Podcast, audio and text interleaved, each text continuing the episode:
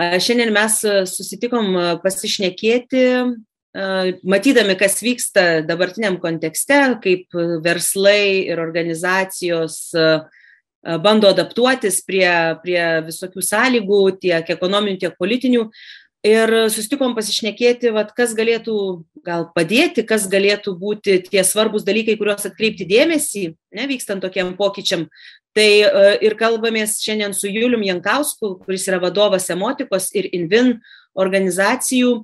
Tai Juliau, gal tu gali dar trumpai kažką tai pasakyti iš savo pusės, ką tu pastebi, kas dabar vyksta, kokie tie kokie tie pokyčiai ekonomikoje, politikoje ir, ir kas dabar iš viso yra, nu, kokia ta situacija. Tai šiaip sveiki visi, kas mūsų klausosi dabar ir klausysis ateityje.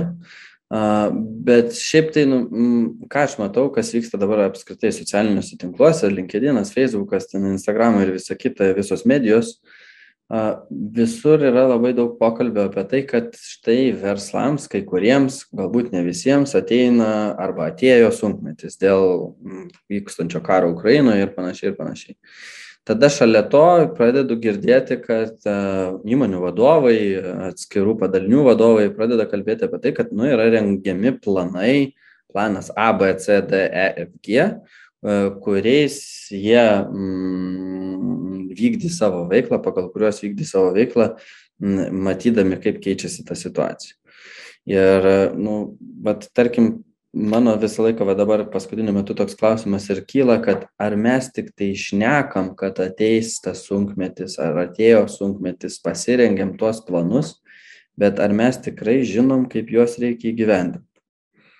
Ir ką aš čia noriu pasakyti, kad mes kaip pavyzdžiui vadovai arba ten padalinių kažkokie tai vadovai galbūt ir mes ir žinom kaip tą planą įgyvendint kad ten tarkim grūdus pirkom iš ukrainos ir dabar grūdus reikės pirkti iš kokios prancūzijos tai mūsų darbuotojam kaip ir viskas tas pats darbas nepasikeitė reikės pirkti grūdus bet ar mes tikrai esam įsitikinę kad žmonės žmonėms šitas pokytis yra puikiai suprantamas, žinomas ir tas planas A, B, C, D, E, G jiems irgi puikiai suprantami ir jie yra pakankamai profesionalūs tą atlikti. Mhm. Ir kodėl aš apie tai išneku, nes tiesiog buvau čia mokymuose vienos, vien, vieną organizaciją treniravau ir vat, buvo konkreti tokia situacija, kad įvyko pokyčiai, reikia persiorientuoti, daryti darbą šiek tiek kitaip, tai yra, kaip čia pavadinkim, nuleista komandoms tą daryti. Bet e, žmonės yra visiškai totaliai pasimetę. Tai yra visiškai jų tas pats darbas, tik tai šiek tiek pasikoregavo kryptis. Ir, ir jie nebežino, kaip tą daryti. Yra pasimetę, yra nukritęs rezultatas ir, ir, ir, ir vadovai net lieka čia savo tos pareigos, vadovai, čarai, ne, ne, ne, nesuvaldo šito pokyčio. Tai vad mintis yra mano apie tai, kad ar mes esam pasiruošę planus tik tai kaip hardinėse vietose kažką keisti. Ar mes ir pagalvojam apie softą, o tai kas dedasi su mūsų komandom ir kaip tose komandose suvaldyti tos pokyčius, kaip kelti profesionalumą, nesunkmečių nu, profesionalumas svarbiausias dalykas turėtų būti. Tai va apie tai aš galvoju ir tai aš matau. Taip, ir turbūt tą puikiai žinom, bet gal kartais pamirštam, kad su pokyčiais neišvengiamai visada ateina emocinė įtampa, pasipriešinimas ir stresas dėl to, kad nu, tiesiog taip yra, koks tas pokytis bebūtų, ar didelio masto ar mažesnio, vis tiek nusmegenims tai nepatinka, nes reikės arba daryti kitaip, arba mąstyti kitaip ir čia jau prasideda tas, tas visas pasipriešinimo procesas ir, ir kylantis stresas, nes nu, reikės kažkaip iš iš naujo pergalvot veiksmus arba savo mąstyseną. Tai turbūt šita irgi tokia svarbi dalis, kurią reikia suprasti, nes net jeigu, kaip tu sakai, nu, tą patį beveik reiks daryti, tik truputėlį kitą kryptim, tai irgi yra pokytis. Taip. Taip, ir aš gal sakyčiau, kad, žinai, jeigu vadovybė ateina su kokiais nors pokyčiais į organizaciją, E, viskas buvo kaip ir gerai, viskas veikla vyksta gerai organizacijai, viskas tvarkoj, bet dėl kokių nors priežasčių tiesiog reikia daryti pokyčius, perskirstyti, per, perdėlioti padalinius kokius nors ar dar kažką. Tai kaip tu paminėjai, tas pasipriešinimas, va ten gali atsirasti tas pasipriešinimas dėl to, kad nu, tai yra pokyčio dalis, ne? Taip. Bet e, kalbant apie dabartinę situaciją, tai visi mūsų darbuotojai juk supranta, kad nu, reikės pasikeisti, reikės elgtis, daryti kažką kitaip. Bet dėl to streso, kad mes galbūt ne iki galo suprantam, nesam tvirti, neturim pakankamo palaikymo iš savo vadovybės, iš savo tiesioginio vadovo, kuris nėra tas hands-on, kuris ateina kartu šalia ir sako, nu, einam kartu padarysim dalykus. Tai kai nėra to palaikymo tai tas stresas aš taip manau iššaukia tą tokį nepamąstytą ir pasąmoninį pasipriešinimą taip Tai, tai apie tai aš kvieščiau visus mūsų klausytojus apie tai pagalvoti, kad ne tik tai apie tos hardinius planus ir pokyčius galvoti, kaip ten mes pastumdysim šaškės į vieną ar kitą pusę, bet galvoti apie tą pokytį, kas vyksta pas mūsų žmonių galvose ir kaip padėti jiems praeiti šitą laikotarpį. Ir visi mes mokam tą daryti iš principo. Dėl to, kad 20 metais, kovo mėnesį, mes jau buvom pradėję eiti tuo keliu. Tai yra, kai, kai prasidėjo karantinas. Tai dabar tik tai reikia atkartoti kai kurios dalykus turbūt ir daugiau dėmesio skirti tarpusavio bendradarbiavimui ir bendravimui matyt nes nu karas yra kur kas jautresnis dalykas negu karantinas taip ir turbūt viskas e, prasideda ne turbūt o iš tikrųjų viskas prasideda nuo komunikacijos ne kaip mes kaip vadovai sudėlioja tuos planus ir kryptis ir perstumdę truputėlį visus veiksmus kaip mes tai komunikuojam savo žmonėm pateikiam, kiek duodam erdvės klausimams, supratimui, pagalbai ir taip toliau ir panašiai. Toks, nu, nes tikėtis, kad viskas čia gan paprasta ir panašu ir visi kartu sėsim ir važiuosim, to, to, nu, tą pačią valtį susėsim ir plauksim, nu tai neverta, nes nu, tiesiog taip jau veikia ta, ta mūsų psichika, kad pagalbos reikia. Jo, ir čia aš, bet man labai labai labai patinka toks paprastas pasakymas. Nėra savaime suprantamų dalykų. Mm. Ir jeigu man, kaip organizacijos tenai, viduriniosios grandies ar aukštesniosios grandies vadovui ar kokiam HR-ui, bent menkiausiu momentu nuskamba galvoje mintis, tai kad čia viskas aišku ir viskas suprantam. Tai aš sakyčiau, čia jau yra raudona lempa ir komunikacijos bus per mažai faktas. Tai aš visiškai tau pritariu. Komunikacija, komunikacija. Nu, pokyčių valdymėgi yra pagrindinis dalykas. Komunikuoti, komunikuoti, komunikuoti, komunikuoti, komunikuoti. Atsakyti visus įmanomus klausimus. Skirti dvigubai, keturgubai daugiau dėmesio visiems menknekiam, kad tik tai nebūtų prikurta tų vadinamų galvoje papildomų filmų. Tai kas čia dabar bus? Ir kaip čia dabar bus? Ir, ir, ir prie skenavimo arba kopijavimo aparato ofise arba prie kavutės virtuvėlėj gimsta tokių filmų, kad kartais turbūt vadovai paklausė, kiek ten žmonės nupaišo ateitį organizacijos. Jie, kai kurie gal labai juoktus iki ašaro, kiti gal iš liūdėsio labai mm, ašarotų. Nes, nu, vat, kaip tu sakai, psichologija tai, va taip ir veikia, nu, pris, kai nežinom kažko, tai prisi, kuriam savo filmų galvoje, ne? Taip, ir tuo labiau, kad nu, turim suprast, kad vis tiek kontekstas tai čia tikrai nepadeda, o trukdo, nes žmonės jau yra nesaugume, e, neapibrieštume, nerime, įtampoj ir nuovargį, nes jau du metus vargom su pandemija, galiausiai jau atrodė išmokom, susidėliom gal jau rimsta ir tada nu, prieš kelias savaitės prasidėjo dar vienas labai didelis uh, pokytis irgi, kuris irgi sudrebino visas tas e, vėl iš naujo viso, visą pagrindą, tai suprantant, kad jau kontekstas yra labai stipriai mus nu, blaškantis ir veikiantis efektyvumą ar produktyvumą, tai dar organ, organizacijos viduje vykstantis pokyčiai, nu jie priimami su dar didesniu pasipriešinimu, nes mums ir mūsų psichikai tai norisi bent kažkokio stabilumo, saugumo, bent kažkur įsikabinti į kažkokį žinojimą, tai ant viršaus vadedami, kad ir nedideli tie pokyčiai, jie gali būti priimami daug aštriau. Dėl to, kad jau nėra, nėra stabilaus pagrindo, ant ko statyti visų tų kaladėlių. Tai va tą, tą irgi nu, noriu įsikviesti, kad, kad prisimintų ir vadovai, ir, ir personalų žmonės ir, ir įsivertintų. Ir aš, žinai, vat, kaip tik va dabar susiradau 22 metais Edelman yra Trust Barometer toksai. Aha. E, ir buvo darytas tyrimas, tai yra globalus daromas tyrimas ne tik tai e, Junktinėse Amerikos valstijose, ne tik tai Europoje, bet apskritai įmamas labai labai labai labai daug šalių.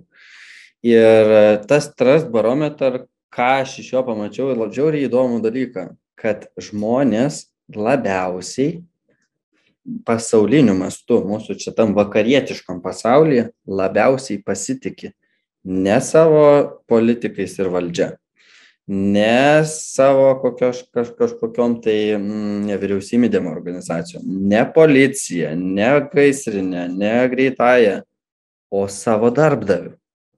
Taip. Tai va čia ir yra tas momentas, kas man va, rodo pagrindinį esminį ženklą, kad kai, va, kaip tu sakai, kad žinai, nėra, nėra to saugumo jausmo, tai kiekviena organizacija turi šiuo metu sukurti tą saugumo jausmą. Ir tas vat pokyčių komunikavimas kokiu mes keliu eisim ką mes darysim juk žmonės puikiai supranta kad jeigu vat įmonė vertėsi ten kokiu aš nežinau tiekia kokios nors jau pagamintą produktą kurio tam tikros detalės keliavo iš ukrainos baltarusijos arba rusijos ir dabar tos detalės nebeatkeliauja. Tai jie juk puikiai supranta netgi tas žmogus prie linijos fabrike stovintis jisai puikiai supranta kad nu nebus tų detalių tai kas dabar su manim bus? Taip. Ir jeigu mes savaitę laiko tylim jeigu dvi savaites laiko tylim o tiktai planus rengiam ir komunikacijos tokios artimesnės nėra nu taigi sprogsta smegenys.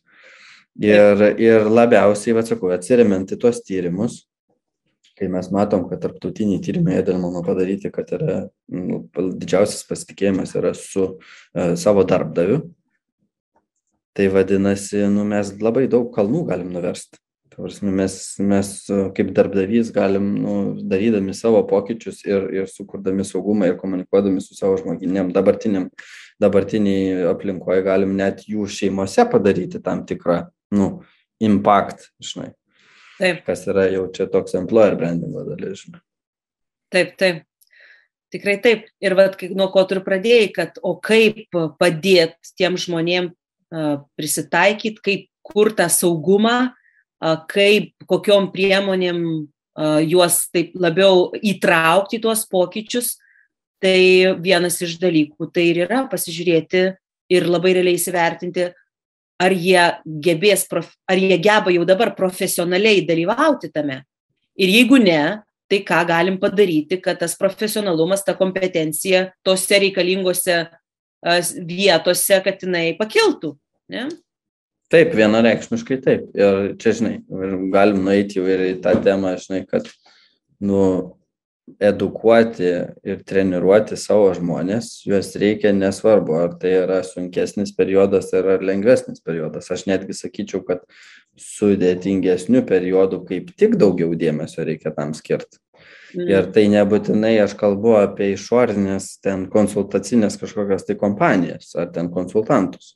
Čia yra kalba apie tai, kad vat, vat vadovas vadovais skyrių, jie team lydai kažkokie, tai vad jie tai yra tie žmonės, kurie gali edukuoti, mokyti ir, ir tą profesionalumą kelti į aukštesnį lygmenį. Kitas dalykas, jeigu mes čia kompetencijos neturim, atsisukim į išorę. Tikrai išorėje ir Lietuvoje, ir pas mus emotika ir invina. Ir, ir ne tik pas mus yra sprendinių, kurie nekainuoja tų milžiniškų pinigų, kai mes tik tai pagalvojame apie kokius nors mokymus kad ten tūkstančiais pradės kainuoti mums ir visa kita. Gal, pavyzdžiui, mūsų komandos nariams, kad jie profesionaliai galėtų toliau tęsti daryti savo darbus ir suprastų tą pokytį labai tvarkingai, normaliai ir nebūtų didelio streso, gal užtenka tik tai, pavyzdžiui, vieno kažkokio mini kurso, kaip valdyti stresą, kuriame išgirstant 3-4 esminius dalykus ir, ir tai atver žmonėm akis Taip. Tai, ir, nu, va... ir savo resursais tada kurti kažkokią palaikymo grupę, specialią, e, nu, tokia, žinai, specialiai kurti sąlygas, dalintis, palaikyti vienas kitą ir taip toliau. Čia jau viskas galioja, ko išmokom prieš du metus, kai prasidėjo pandemija. Nes ta, uh, va, tuose pokyčiuose vis tiek turim suprasti, kad organizacinė kultūra, ji tokia, kokia ji buvo įvykus pokyčiui, jinai nebūtinai tokia išliks. Mes turim sąmoningai, specialiai dėti pastangas ir imtis veiksmų, kad mes ją palaikytumėm arba vestumėm ten, nu, kur, kur mums atrodo, kad reikia. Nes savaime, tai vad prie kavos aparato arba prie spausdintuvo, kaip tu sakai, ta organizacinė kultūra labai greitai gali pradėti važiuoti ten visokiom kryptim. Jo, ir dar, vat, tu čia pradėjai šnekėti apie kultūrą, turiu dar vieną labai mėgstamą pasakymą. Uh, uh, culture eats strategy for breakfast. tai vat būtent va tokiais periodais, sudėtingesniais periodais, tai mūsų kultūros stiprumas ir tarpusavio bendruomeniškumas, ta, ta bendruomenė viduje organizacijų, jų gali būti daug tų bendruomenių, žinai, mažesnių. Mm. Jo va ta kultūra ir laimi prieš visus A, B, C, D, E, F, G planus, E, prieš, prieš viską. Ir jeigu ta kultūra yra nu, tokia sausau, mm. nu, tai, tai tie planai ten ir nukeliaus kažkur tai, žinai. Mm. Bet, bet aš sakau, mano nuomonė, tai bendravimas, komunikavimas su savo žmonėm ir aš kaip vadovas, aš ne viską žinau. Ir vat, mes pas savo organizacijoje, kaip įvyko čia prasidėjo 24 dieną mm, tie karo veiksmai Ukrainoje, mes po kelių dienų susijungiam su visa komanda ir buvo iškeltas mano klausimas. Pagalvokim, ką mes darom, kaip mes elgiamės, kaip gal keičiasi mūsų produktai, ar tikrai visi toliau taip pat parsiduos, kaip ir parsiduodavo, ar mums reikia kažką daryti. Aš nežinau atsakymą o mano užnugaris ir mano pagalba man asmeniškai ir lygiai taip pat komandai pagalba yra komanda. Mes susėdom visi kartu pabrinstorminom, pasidarėm tokį šiokį tokį sąrašą, ką, kas čia galėtų ir kaip čia galėtų atrodyti. Ir kas po to buvo, aš per kitus galus pradėjau girdėti atgarsius, kad tai komanda žiauriai stipriai sujungė ir nuramino. Mm kad viskas čia yra gerai, viskas čia vyksta, viskas čia yra normaliai. Va, darysim tą, darysim tą, darysim tą, darysim tą. Ir kas dar iš to išėjo, kad atskiri komandos nariai tapo lyderiais kai kuriuose vietose, organizuodami dar papildomas iniciatyvas tam, kad organizacija gyventų, išgyventų ir viskas eitų taip, kaip ir ėjo iki šiol. Ir čia tik tai vienas susitikimas. Tai aš sakau, aš kviečiu mūsų klausytojus atsisukti savo komandas, ne tik galvoti apie hardą, ne tik galvoti, kaip dabar vaikščios pinigai, kaip vaikščios produktai iš vienų sandėlių į kitus sandėlius. Ne tik kiek mūsų ofisai bus dideli ar maži, bet galvoti apie žmonės, apie tuos asmenys, kurie iš principo jums deliverina visą rezultatą. Ir kaip su jais, vat, ką, kaip juos reikėtų atsisukti šiuo metu. Jeigu nežinom atsakymą, susirinkim komandą ir paklauskim komandos. Taip kaip manot ką ką norėtumėt ką ką darom kad visi visi jaustumėmės šitame pokytyje šitame nerime šitame visame kame ką planuojam daryti artimiausią pusmetį ar metus kad visi jaustųsi tvirtai stabiliai saugiai ir ir ir darytų savo darbą maksimaliai profesionaliai. Taip. Ačiū tau juliau labai už įžvalgas tikrai. Um, yra yra, žinai, daug dalykų yra apie ką pagalvoti. yra hardas, yra softas, yra procesai, yra kryptys, strategijos ir yra žmonės, kurie savo mintysę dar turi ir strategijas, ir kryptis, ir, ir mintis, ir nerimus, ir baimės. Ir um, tada vat, nešiotis kišenį visada klausimą, o ar aš tikrai žinau, ar aš tikrai žinau, kaip jie jaučias, ką jie masto, ar aš tikrai ži, ar aš esu tikras, kad uh, supranta ir uh, tam pačiam puslapį esame ir toj pačioj valty ir įtraukti maksimaliai, kad, kad iš tikrųjų pasitikrintumėm tą savo e, kažkokias prielaidas. Ne? Tai ačiū tau. Kažkokį dar palinkėjimą pabaigai uždėk kepurę ant, ant mūsų šitų pokalbio visiems, kurie klausėsi arba klausosi arba ateityje klausysis. Laimės tie, kurie bus drąsus iškelti savo tos klausimus, kuriuos tu čia pat išvardinai tik ką, bet ne tik bus drąsus juos iškelt, bet ir bus drąsus ateiti ir kalbėtis su komandom apie tai. Ir, ir laimės ir, ir ras ten atsakymus. Tai va šitie laimės. Ačiū Juliau tau labai už pokalbį, ačiū visiems, kurie klausėsi, tvirtybės, atsparumo, komandiškumo ir, ir taikos visiems ir iki kitų pasiskaitimų, pasigirdėjimų ir pasimatymų. Ačiū, ačiū ir sakau blizgančių akių visiems.